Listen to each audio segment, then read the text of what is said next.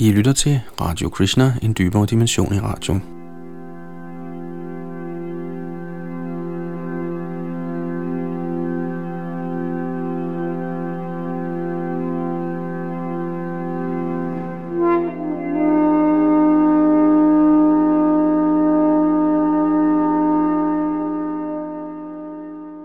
Og vi skal nu tage et kig i en bog kaldet Mekanistisk og ikke-mekanistisk videnskab, en udforskning af bevidsthed og form, skrevet af Richard Thompson, eller som vi kender ham, Sariputta Das, medlem af The Bhaktivedanta Institute, Krishna-bevægelsens videnskabelige afdeling. Det er her Yadunanda Das bag mikrofonen, og han styrer også teknik og produktion.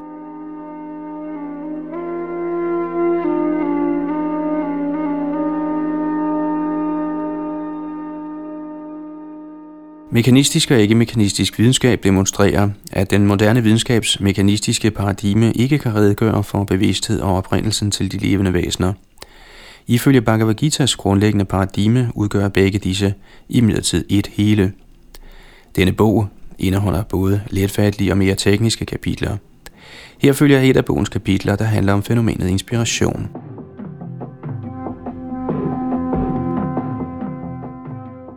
Her vil vi analysere, hvordan mennesket opnår viden om videnskab, matematik og kunst. Eftersom videnskabens og matematikkens regelrette beskaffenhed tjener til at sætte de undersøgte fænomener i et forholdsvis klart perspektiv, vil vi primært fokusere på, hvordan idéer og hypoteser inden for disse emner tager form. Vi vil vise, at det fænomen, man kalder inspiration inden for moderne forskning og matematik, spiller en væsentlig rolle i opnåelsen af viden, samt i de kreative kunstarter såsom musik, vi vil gøre gældende, at inspiration som fænomen ikke uden videre kan forklares ved hjælp af de mekanistiske modeller af naturen, der bruges i nutidens teorier inden for fysik og kemi. For at give positive alternativer til disse modeller, vil vi endvidere skitsere Bhagavad Gita's ikke-mekanistiske teorisystem –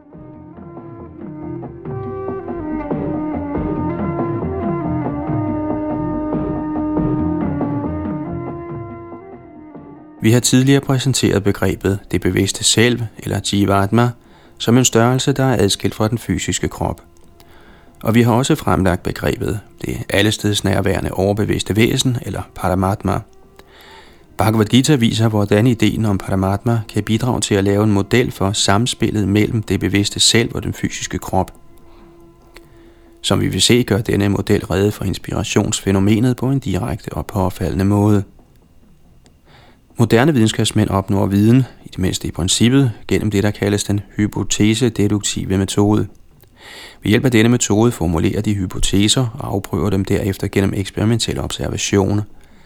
Forskere anser kun hypoteser for gyldige, for så vidt som de passer med observationerne, og de skal i princippet forkaste enhver hypotese, der ikke stemmer overens med det observerede. Megen analyse er blevet rettet imod det deduktive aspekt af den hypotese-deduktive metode – hvorimod det lige så vigtige forløb, der består i at formulere hypoteser, i høj grad er blevet forsømt. Vi spørger derfor, hvor kommer hypoteser fra? Det er klart, at forskere ikke kan bruge nogen direkte trinvis metode til at udlede hypoteser fra ro observationsmæssige data. For overhovedet at kunne behandle sådanne data, må de allerede have en fungerende hypotese. Ellers ville disse data ikke være andet end en forvirrende række symboler eller billeder eller lyde, der ikke giver mere mening end en tabel af tilfældige tal. I den forbindelse har Albert Einstein engang sagt, citat, Det kan være heuristisk nyttigt at huske på, hvad man har observeret. Men principielt er det helt forkert at forsøge at basere en teori udelukkende på observerbare størrelser. I virkeligheden finder det modsatte sted. Det er teorien, der bestemmer, hvad vi kan observere. Citat slut. Ren matematik indeholder et sidestykke til den hypotese-deduktive metode. I matematik er der, i stedet for hypoteser, foreslået systemer af matematisk resonemang, der er tilsigter at besvare specifikke spørgsmål. Og i stedet for den eksperimentelle afprøvning af en hypotese, er der den trinvise metode til at afgøre, om et bestemt bevis eller matematisk resonemang er korrekt – denne verifikationsmetode er lige til og kunne i princippet udføres af en computer. Der er imidlertid ingen systematisk, trinvis metode til dannelse af matematiske beviser og idéer, som gruppeteorien og teorien om lebæsk integration. Hvis videnskabelige hypoteser og matematiske resonemanger ikke opstår via systematiske forløb, hvad er der deres kilde? Vi finder, at de næsten altid opstår i forskerens sind ved pludselig inspiration. Det klassiske eksempel er Archimedes opdagelse af princippet for specifik gravitation. Efter længere tids forgæves anstrengelse fik han svaret på problemet ved en pludselig inspiration, mens han sad i sit badekar. Sådan inspiration kommer almindeligvis pludselig og uventet for personer, der i forvejen har gjort sig bevidst anstrengelser på at løse det pågældende problem. Det sker som regel, når vedkommende ikke bevidst tænker på problemet og viser til en helt ny måde at se det på. En måde forskeren slet ikke havde forestillet sig i sin bevidste forsøg på at finde en løsning. Oftest viser inspirationen sig som en pludselig klarhed om problemets løsning, ledsaget af overbevisningen om, at løsningen er korrekt og endegyldig. Man ser løsningen i sin helhed, selvom den kan være lang og indviklet, når den skrives ud i sin fulde længde.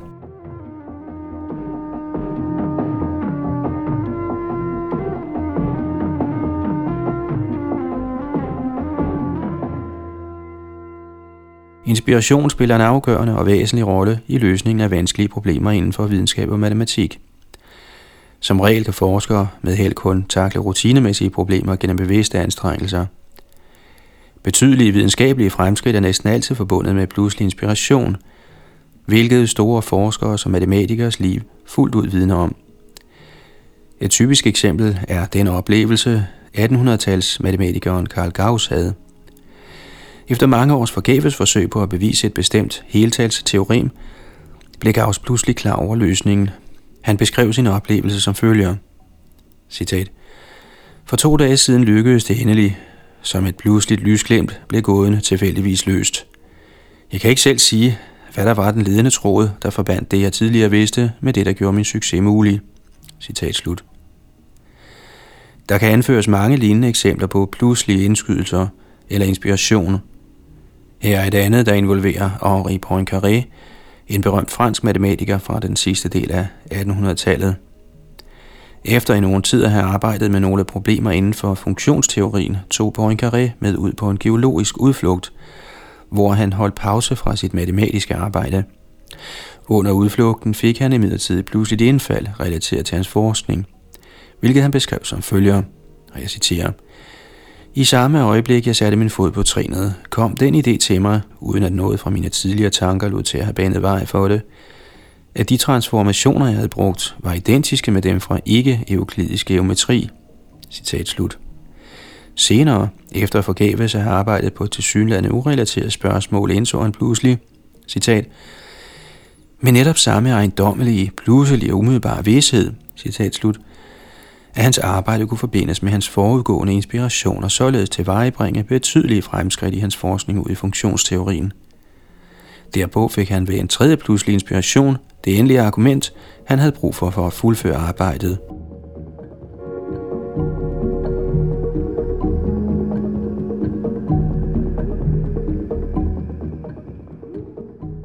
Selvom inspiration oftest kommer efter længere tids intens, men frugtesløs bestræbelse på bevidst at løse et problem, er det ikke altid tilfældet. Her følger et eksempel fra en anden disciplin, Wolfgang Amadeus Mozart beskrev en gang, hvordan han skabte sine musikværker. Citat. Når jeg har det godt og er i højt humør, eller når jeg kører eller går en tur, flokkes tanker i mit sind så let som ingenting. Hvorfra og hvordan kommer de? Jeg ved det ikke og har intet at gøre med det. Når jeg først har et tema, kommer nok en melodi og forbinder sig med den første i overensstemmelse med kompositionens behov som helhed. Så er min sjæl i brand med inspiration, hvis der, der intet sker, der kan aflede min opmærksomhed. Stykket vokser. Jeg bliver ved med at udvide det, opfatter det mere og mere klart, indtil jeg har hele kompositionen færdig i hovedet, også selvom den måtte være lang. Den kommer ikke til mig gradvist, som den senere vil være det med de forskellige dele, udarbejdet i detaljer. Det er i dens helhed, min fantasi lader mig høre det. Citat slut.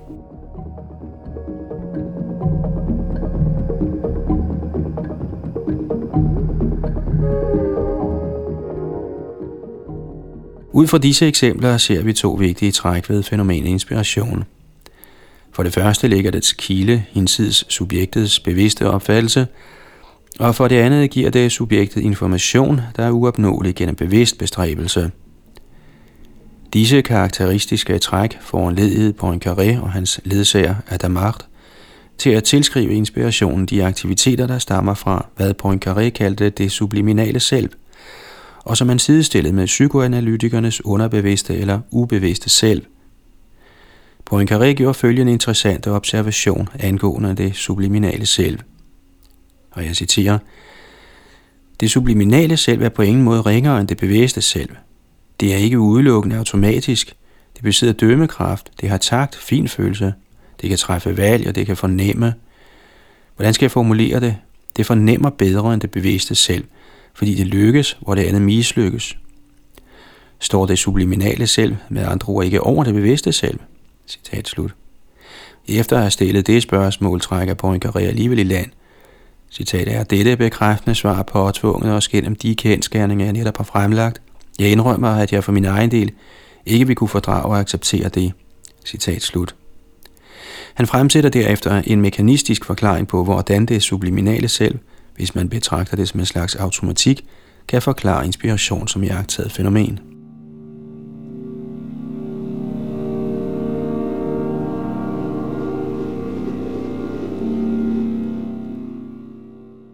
Lad os nøje undersøge argumenterne for en sådan mekanistisk forklaring på inspiration.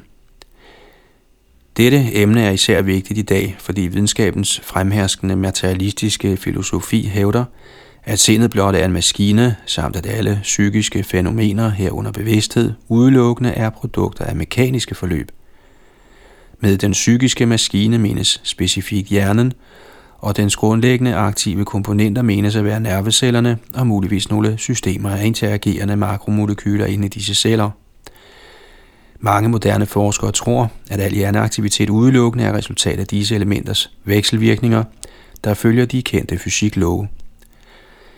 Ingen videnskabsmand har dog indtil videre fremsat nogen følelsesgørende forklaring på forskellen mellem en bevidst og en ubevidst maskine, eller en antydet, hvordan en maskine overhovedet kunne være bevidst – de forskere, der prøver at forklare selvet på mekanistisk vis, koncentrerer sig i virkeligheden udelukkende om på mekanistisk vis at duplikere ydre adfærd.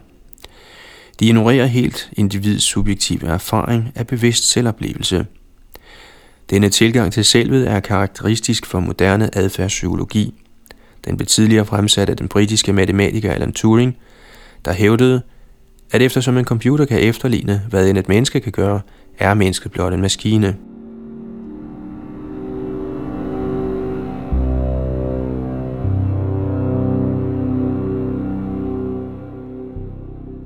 Lad os for et øjeblik følge denne adfærdspsykologiske indfaldsvinkel og helt enkelt overveje spørgsmålet om, hvordan inspiration som fænomen kan duplikeres af en maskine. Poincaré mente, at det subliminale selv må sammensætte mange tilfældige kombinationer af matematiske symboler, indtil det med hensyn til en bestemt type matematisk resultat til sidst finder en kombination, der tilfredsstiller det bevidste sind han mente, at det bevidste sind forbliver uvidende om de mange ubrugelige og ulogiske kombinationer, der gennemløber underbevidstheden, men at det øjeblikkeligt vil blive opmærksom på en tilfredsstillende kombination, så snart den fremkommer. Han hævdede derfor, at det subliminale selv må være i stand til på kort tid at frembringe et enormt antal kombinationer, samt at disse i overensstemmelse med kriterierne for den tilfredsstillende løsning, der bestemmes af det bevidste sind, underbevidst bliver vurderet efterhånden som de frembringes. Som det første trin i vurderingen af denne model kan vi anslå antallet af symbolkombinationer, hjernen kan evaluere inden for en rimelig tidsperiode. En meget højt sat øvre grænse for dette tal kunne være 3,2 gange 10 i 46 20. potens. Vi kommer frem til dette ved at antage, at der i hver kubisk ångstrøm i hjernen dannes og vurderes en separat kombination for hver milliarddel af et sekund – over en periode på 100 år. Selvom dette tal er en enorm overvurdering af, hvad hjernen overhovedet er i stand til inden for rammerne af vores nuværende viden om naturlove, er det stadig ubetydeligt i sammenligning med det totale antal mulige symbolkombinationer, man må være i stand til at danne, for at have skyggen af en chance for tilfældigt at ramme et bevis for et matematikteorem af moderat vanskelighed. Hvis vi ønsker at videreudvikle et matematisk resonemang, finder vi, at der vil være trin af mange mulige kombinationer af symboler, vi kan skrive ned, og således kan vi se et bestemt matematisk argument som en vej gennem et træ, der har mange på hinanden følgende niveauer af underliggende grene. Antallet af grene i et sådan træ vokser eksponentielt med antallet af successive valg, og antallet valg er omtrent proportionalt til argumentets længde. Som længden af argumentet øges, vil antallet af grene således hurtigt overskride grænser som 10 i 46 20. potens og 10 i 100 potens. Antag for eksempel, at vi skriver sætninger på et eller andet symbolsk sprog, og at de grammatiske regler for det sprog i gennemsnit tillader to valg per successive symbol. Der vil da være omtrent 10 i 100 potens grammatiske sætninger med en længde på 333 symboler. Selv et kortfattet matematisk argument viser sig ofte at være uhyre langt, når det skrives ud i dets fulde længde, og mange matematiske beviser kræver side på side kraftigt komprimerede fremstillinger, hvor mange væsentlige trin overlades til læserne at udfylde. Således er der kun en yderst ringe mulighed for, at et passende argument ville dukke frem som en tilfældig kombination i Poincarés mekaniske model for inspiration. Tydeligvis kræver fænomenet inspiration en udvælgelsesfunktion, der mere eller mindre går direkte til løsningen, uden at tage den langt overvejende del af mulige argumentkombinationer i betragtning –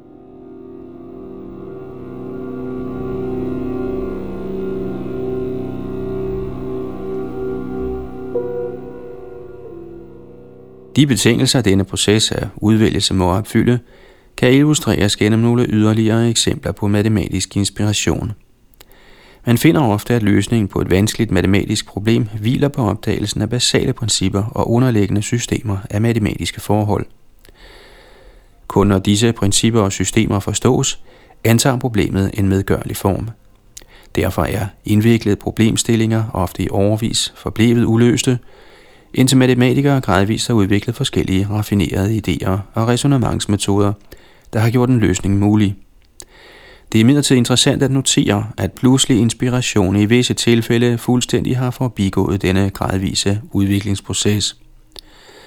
Der er adskillige tilfælde, hvor berømte matematikere uden beviser har fremsat matematiske resultater – som senere forskere først har kunne bevise, efter at indviklede systemer af underliggende relationer gradvist er kommet for dagen. Her er to eksempler.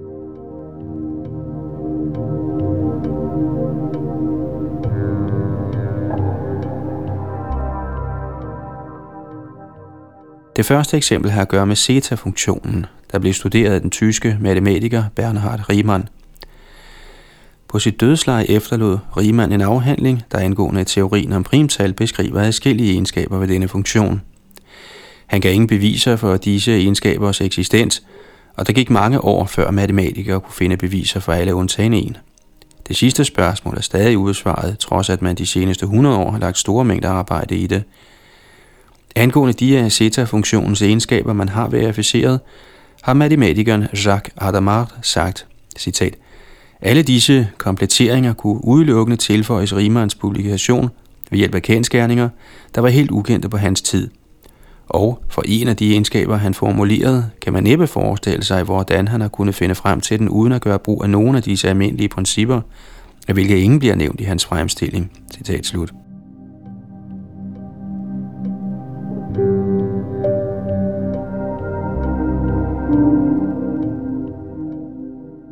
I den franske matematiker Évariste Galois arbejde ser vi et tilfælde, der minder om Riemanns. Galois er berømt for en fremstilling, han lige før sin død hastigt nedskrev i skitseform, der fuldstændig revolutionerede aritmetikken. Det eksempel, vi imidlertid skal se på her, handler om et teorem, Galois fremsatte uden bevis i et brev til en ven. Ifølge Adamart kunne dette teorem ikke engang forklares med den tids matematiske viden – det blev først forståeligt mange år senere efter opdagelsen af visse grundlæggende principper. Adamart bemærker, citat, at Galois må have forstået disse principper på en eller anden måde, og at disse må have været ubevidste i hans sind, eftersom han ikke kommer med nogen hentydninger til dem, trods at de i sig selv udgør en betydelig opdagelse. Citat slut. Det lader således til, at udvælgelsesprocessen, der ligger til grund for matematisk inspiration, kan gøre brug af grundlæggende principper, der er meget udførlige og raffinerede, og som er helt ukendte for det bevidste sind hos den pågældende person. Nogle af de udfoldninger, der fører til beviset på Riemanns teorem, er højst indviklet og kræver mange sider og endda bind af kraftigt forkortede matematiske fremstillinger. Det er i sandhed svært at se, hvordan en mekanisk proces af gentagende tilfældige forsøg, så som den Poincaré har beskrevet, kunne finde frem til sådanne principper. Selvom der findes enklere løsninger, hvor man undgår sådanne indviklede forløb, er de alligevel, trods alt det arbejde, der er blevet nedlagt på disse emner, forblevet ukendte helt op til vores tid.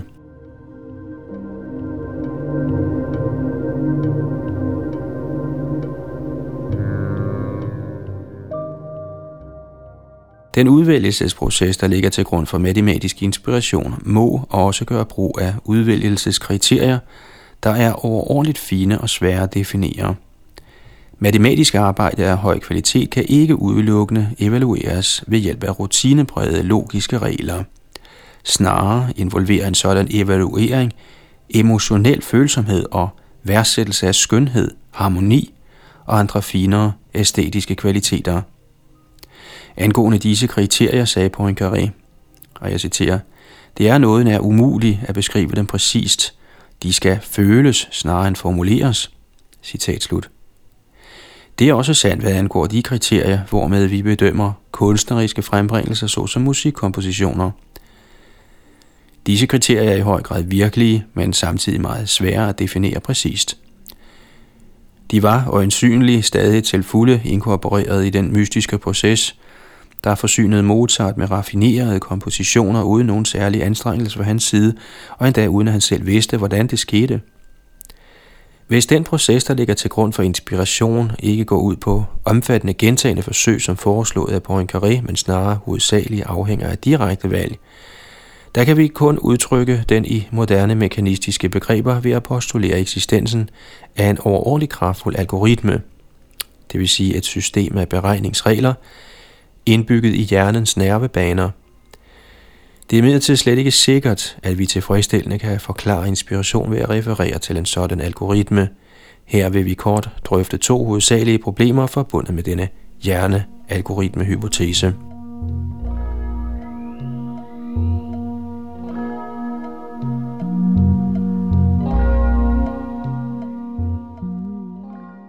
Nummer 1. Oprindelse hvis matematisk, videnskabelig og kunstnerisk inspiration opstår som resultat af nervealgoritmer, hvordan dannes da de nerveforbindelser, der udgør denne algoritme? Når vi overvejer den kompleksitet, de automatiske teoremverificerende algoritmer har, og som indtil videre er blevet skabt af dem, der arbejder med kunstig intelligens, ved vi, at algoritmen ikke kan være simpel. Disse algoritmer kan ikke nærme sig intelligente menneskers præstationer, og alligevel er de højst komplicerede. Men hvis vores hypotetiske hjernealgoritme er ekstremt kompleks, hvordan bliver den da til? Det kan næppe forklares ved udstrakt tilfældig genetisk mutation eller gentagende kombination inden for en enkelt generation, for der ville problemet opstå igen med tilfældige valg ud fra enorme mængder af mulige kombinationer. Man må således formode, at kun nogle få forholdsvis sandsynlige genetiske omformninger adskilte Mozarts anlægspræg fra hans forældre, der trods deres talent ikke besad den samme musikalske evne. Det er imidlertid ikke den normale erfaring blandt dem, der arbejder med algoritmer, at nogle få ændringer eller ombytninger i symbolerne drastisk kan forbedre en algoritmes ydelse eller give den helt nye kapaciteter, der ville forekomme bemærkelsesværdige. Hvis dette ville ske med en bestemt algoritme, ville vi normalt antage, at der var tale om en mangelfuld udgave af en anden algoritme, oprindeligt lavet til at udvise disse kapaciteter – dette ville tyde på, at algoritmen for Mozarts enestående musikalske evne eksisterede skjult i hans forfædres gener. Det fører os til det generelle problem med at forklare oprindelsen til menneskers karaktertræk. Ifølge den mest accepterede teori i dag blev disse træk udvalgt på basis af den forholdsmæssige forplantningsfordel, den gav deres indehavere eller slægtninge. Størstedelen af udvælgelsen af vores hypotetiske skjulte algoritme må have fundet sted langt tilbage i tiden, dels på grund af disse algoritmers kompleksitet, og dels fordi de ofte må videreføres i skjult form. Man mener i dag, at menneskesamfundet gennem det meste af dets historie i bedste fald har været på niveau med jægere og samlere. Det er temmelig vanskeligt at forestille sig, hvordan personer som Mozart eller Gauss i sådanne samfund nogensinde skulle få mulighed for at til fulde at udfolde deres usædvanlige evner. Men gjorde de ikke det, kunne den udskillelsesproces, som evolutionsteorien forudsætter, ikke på effektiv vis selektere disse evner. Vi står således med et dilemma. Det lader til, at det er lige så svært at redegøre for oprindelsen til vores hypotetiske inspirationsfremkaldende algoritme, som det er at redegøre for selve inspirationen.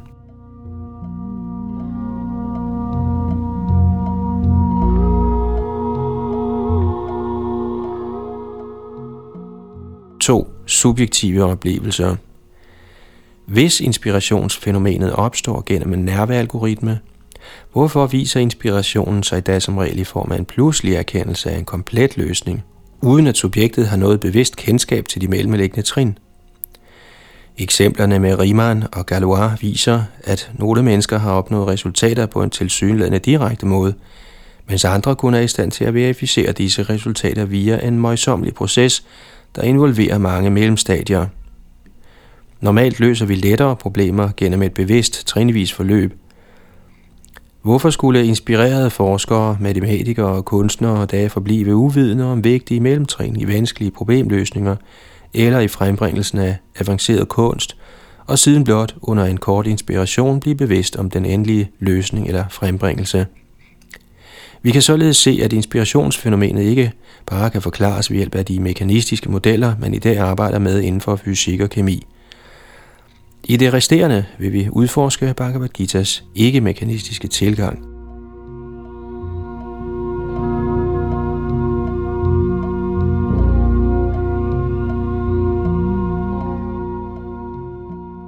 Vekselvirkningen mellem bevidsthed og stof – vi har tidligere behandlet bevidsthed, og med udgangspunkt i Bhagavad Gita har vi introduceret ideen om det bevidste selv som en ikke-fysisk størrelse. Senere diskuterede vi biologiske former og problemet med at finde en samlet enhedsbeskrivelse af naturen. Vi har sluttet, at det ikke er muligt at skabe en samlet kvantitativ teori, der kan give en tilfredsstillende redegørelse for oprindelsen af komplekse former, såsom de levende væseners kropsbygning – men ved igen at vende os til Bhagavad Gita, demonstrerede vi, hvordan man kan basere et intuitivt fornuftigt samlet billede af naturen på den ikke kvantificerbare idé om universel bevidsthed.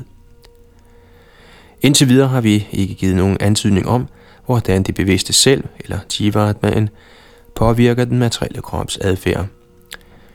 Som vi tidligere har påpeget, har filosofer ikke været i stand til at løse dette problem, og mange har reageret ved enten at benægte eksistensen af bevidsthed – eller ved at prøve at forklare den som et biprodukt af hjernens aktivitet. Ikke desto mindre er der en simpel løsning. Bhagavad Gita giver udtryk for, at samspillet mellem det bevidste selv og den materielle krop er indirekte, i det det afhænger af vekselvirkningen mellem det lokaliserede selv og den universelle bevidsthed. Denne forklaring på forholdet mellem Jivatman og materien – løser mange af de problemer, der har forvirret filosoferne, og redegør også direkte for inspiration som fænomen.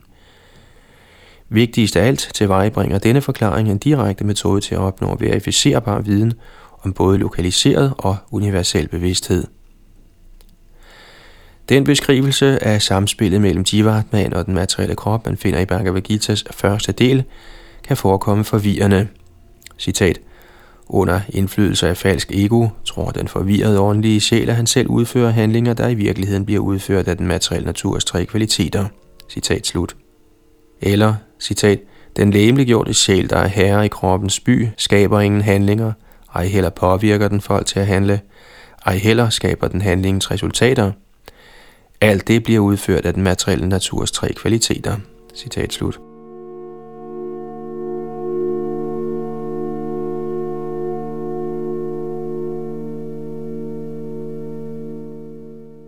Disse udtalelser støtter til synlædende det synspunkt, at naturen fungerer efter helt bestemte, faste love, og at det bevidste selv i bedste fald er et sekundært fænomen, der påvirkes af den materielle krops handlinger, men som omvendt ikke kan påvirke dem.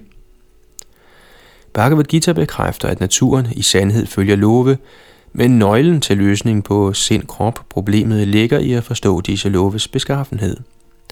Fysikere har en tilbøjelighed til at opfatte naturlovene som et sæt uforanderlige regler, der kan fastsættes gennem nogle få simple ligninger.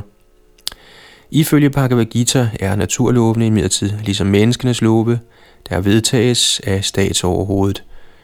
Ligesom fysikernes love kan disse love også beskrives i symbolske vendinger, men til forskel har de en tilbøjelighed til at være yderst indviklede. Og siden naturlovene faktisk er under personlig styring, kan de altid blive genstand for indgriben og modifikation. I Bhagavad Gita beskriver den højeste person, Krishna, naturlovene på følgende vis, og jeg citerer, denne materielle natur arbejder under min styring og kun til søn, og den frembringer alle bevægelige og ubevægelige væsener. Ved dens lov skabes og ødelægges denne manifestation igen og igen. Citat slut. Selvom fysikerne således har ret i, at den materielle energi handler ifølge regler, mangler de at se, at disse regler har deres endelige kilde i en personlig hersker. Vi kan forestille os disse regler i form af et hierarki.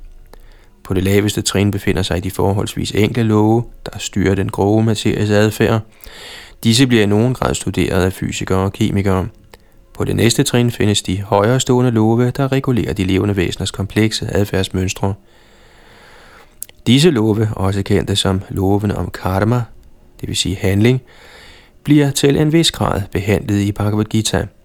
Til sidst, på det højeste niveau, er der den højeste persons direkte indgriben i naturens fænomener.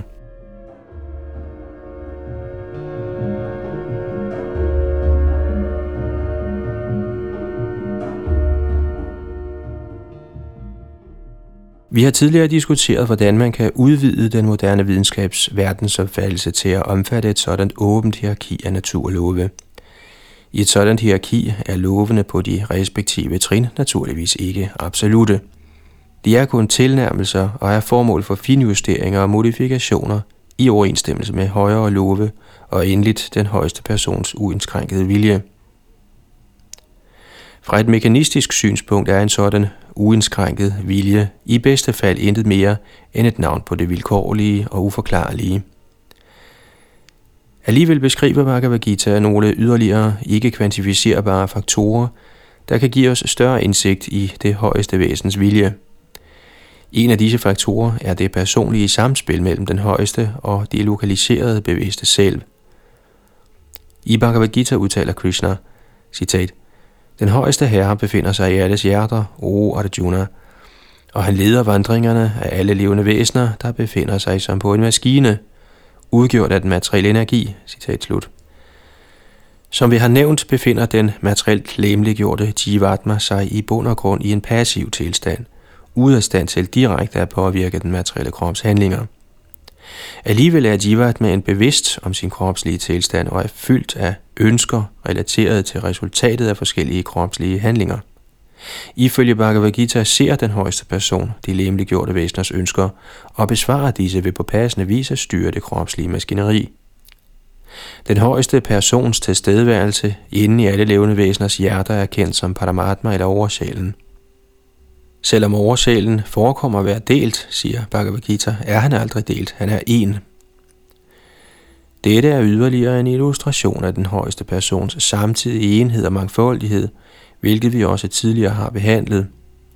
Eftersom den højeste person besidder ubegrænset bevidsthed, kan han på samme tid overvære talløse materielle situationer uden at forvirres.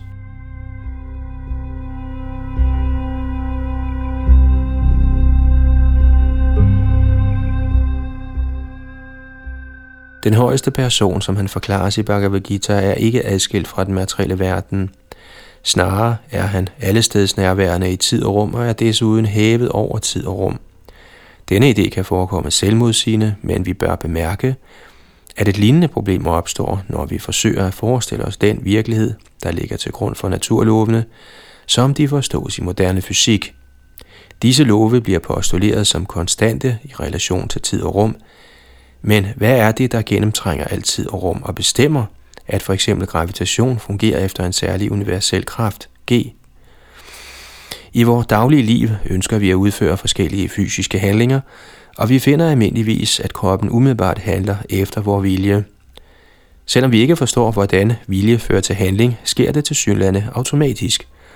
Og vi tager det som oftest for givet og tænker, jeg gør dette. Det, der ifølge Bhagavad Gita faktisk sker, er, at oversjælen ser vores ønsker og oversætter dem til handling. Han gør det ved at manipulere med naturlovene på et avanceret niveau. Som resultat lader vores handlinger til at rette sig efter de kendte fysiklove, selvom forudsat at det kunne lade sig gøre at analysere disse handlinger tilstrækkeligt gennemgribende, vi ikke ville finde noget fastsæt af love, der endelig kunne gøre rede for dem. Bhagavad Gita's filosofi giver således en simpel forklaring på fænomenet inspiration. Den samme forklaring desværre, som Poincaré efter at have analyseret sine egne matematiske inspirationer, følte, han ikke ville kunne fordrage at acceptere.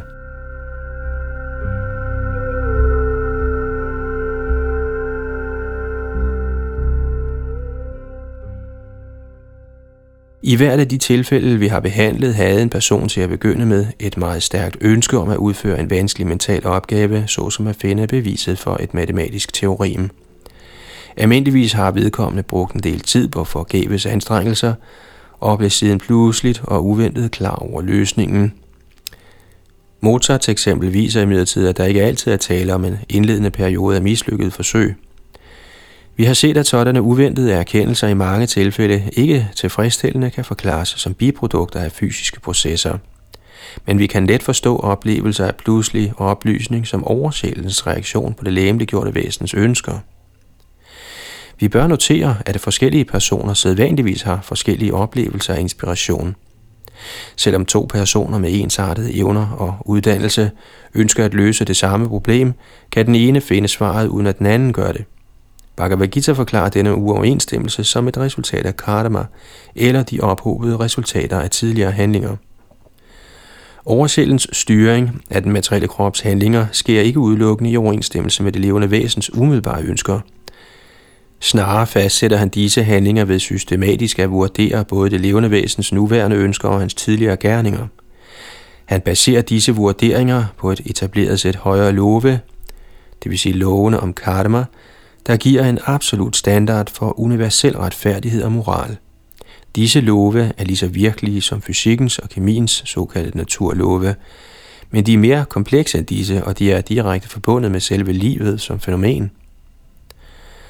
Bhagavad Gita omhandler primært de metoder, hvor igennem det individuelle bevidste væsen kan blive fri fra trældommen, der skyldes tidligere karma. Et levende væsen, der handler under karma-loven, er mere eller mindre en hjælpeløs tilskuer til et indviklet drama af handlinger og reaktioner, der stammer fra tidligere og nutidige ønsker. I den tilstand er det levende væsen tilbøjeligt til fuldstændig at identificere sig med sin fysiske krop, og til at være totalt uvidende om den rolle oversjælen spiller i hans livs tildragelser. Under karma-loven er forholdet mellem den individuelle jivatma og den højeste person i bund og grund upersonligt og lovbundet. Alligevel er det muligt for Jivatmaen at blive direkte bevidst om den højeste person og udvikle et gensidigt personligt forhold til ham. I en sådan bevidsthedstilstand er Jivatman fritaget fra tidligere handlingers karmiske reaktioner og bliver helt bevidst om sin egen natur som ikke-fysisk væsen.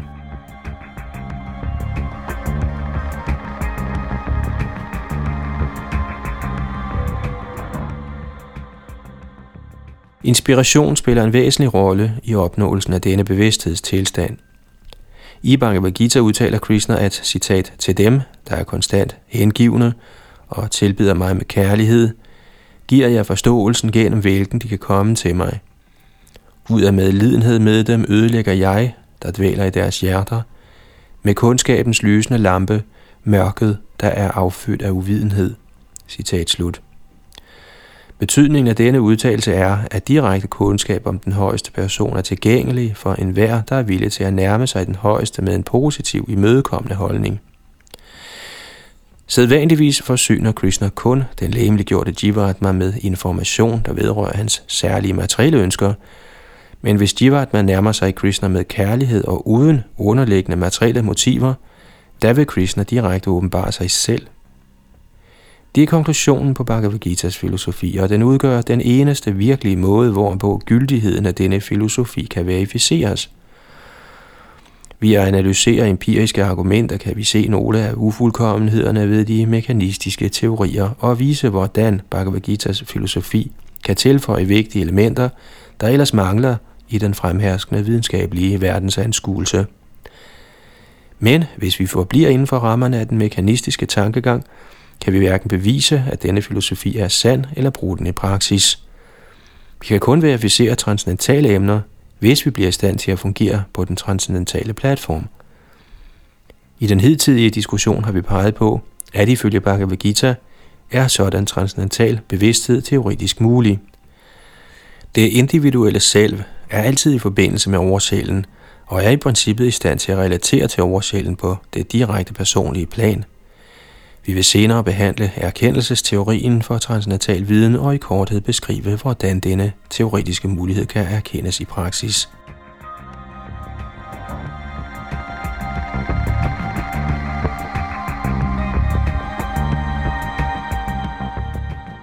Og det vi har hørt her er et kapitel fra Richard Thompsons eller Sadaputas bog Mekanistisk og ikke-mekanistisk videnskab. Her oversat og overblæst af Yadunanda Das, der også sad bag mikrofon og teknik.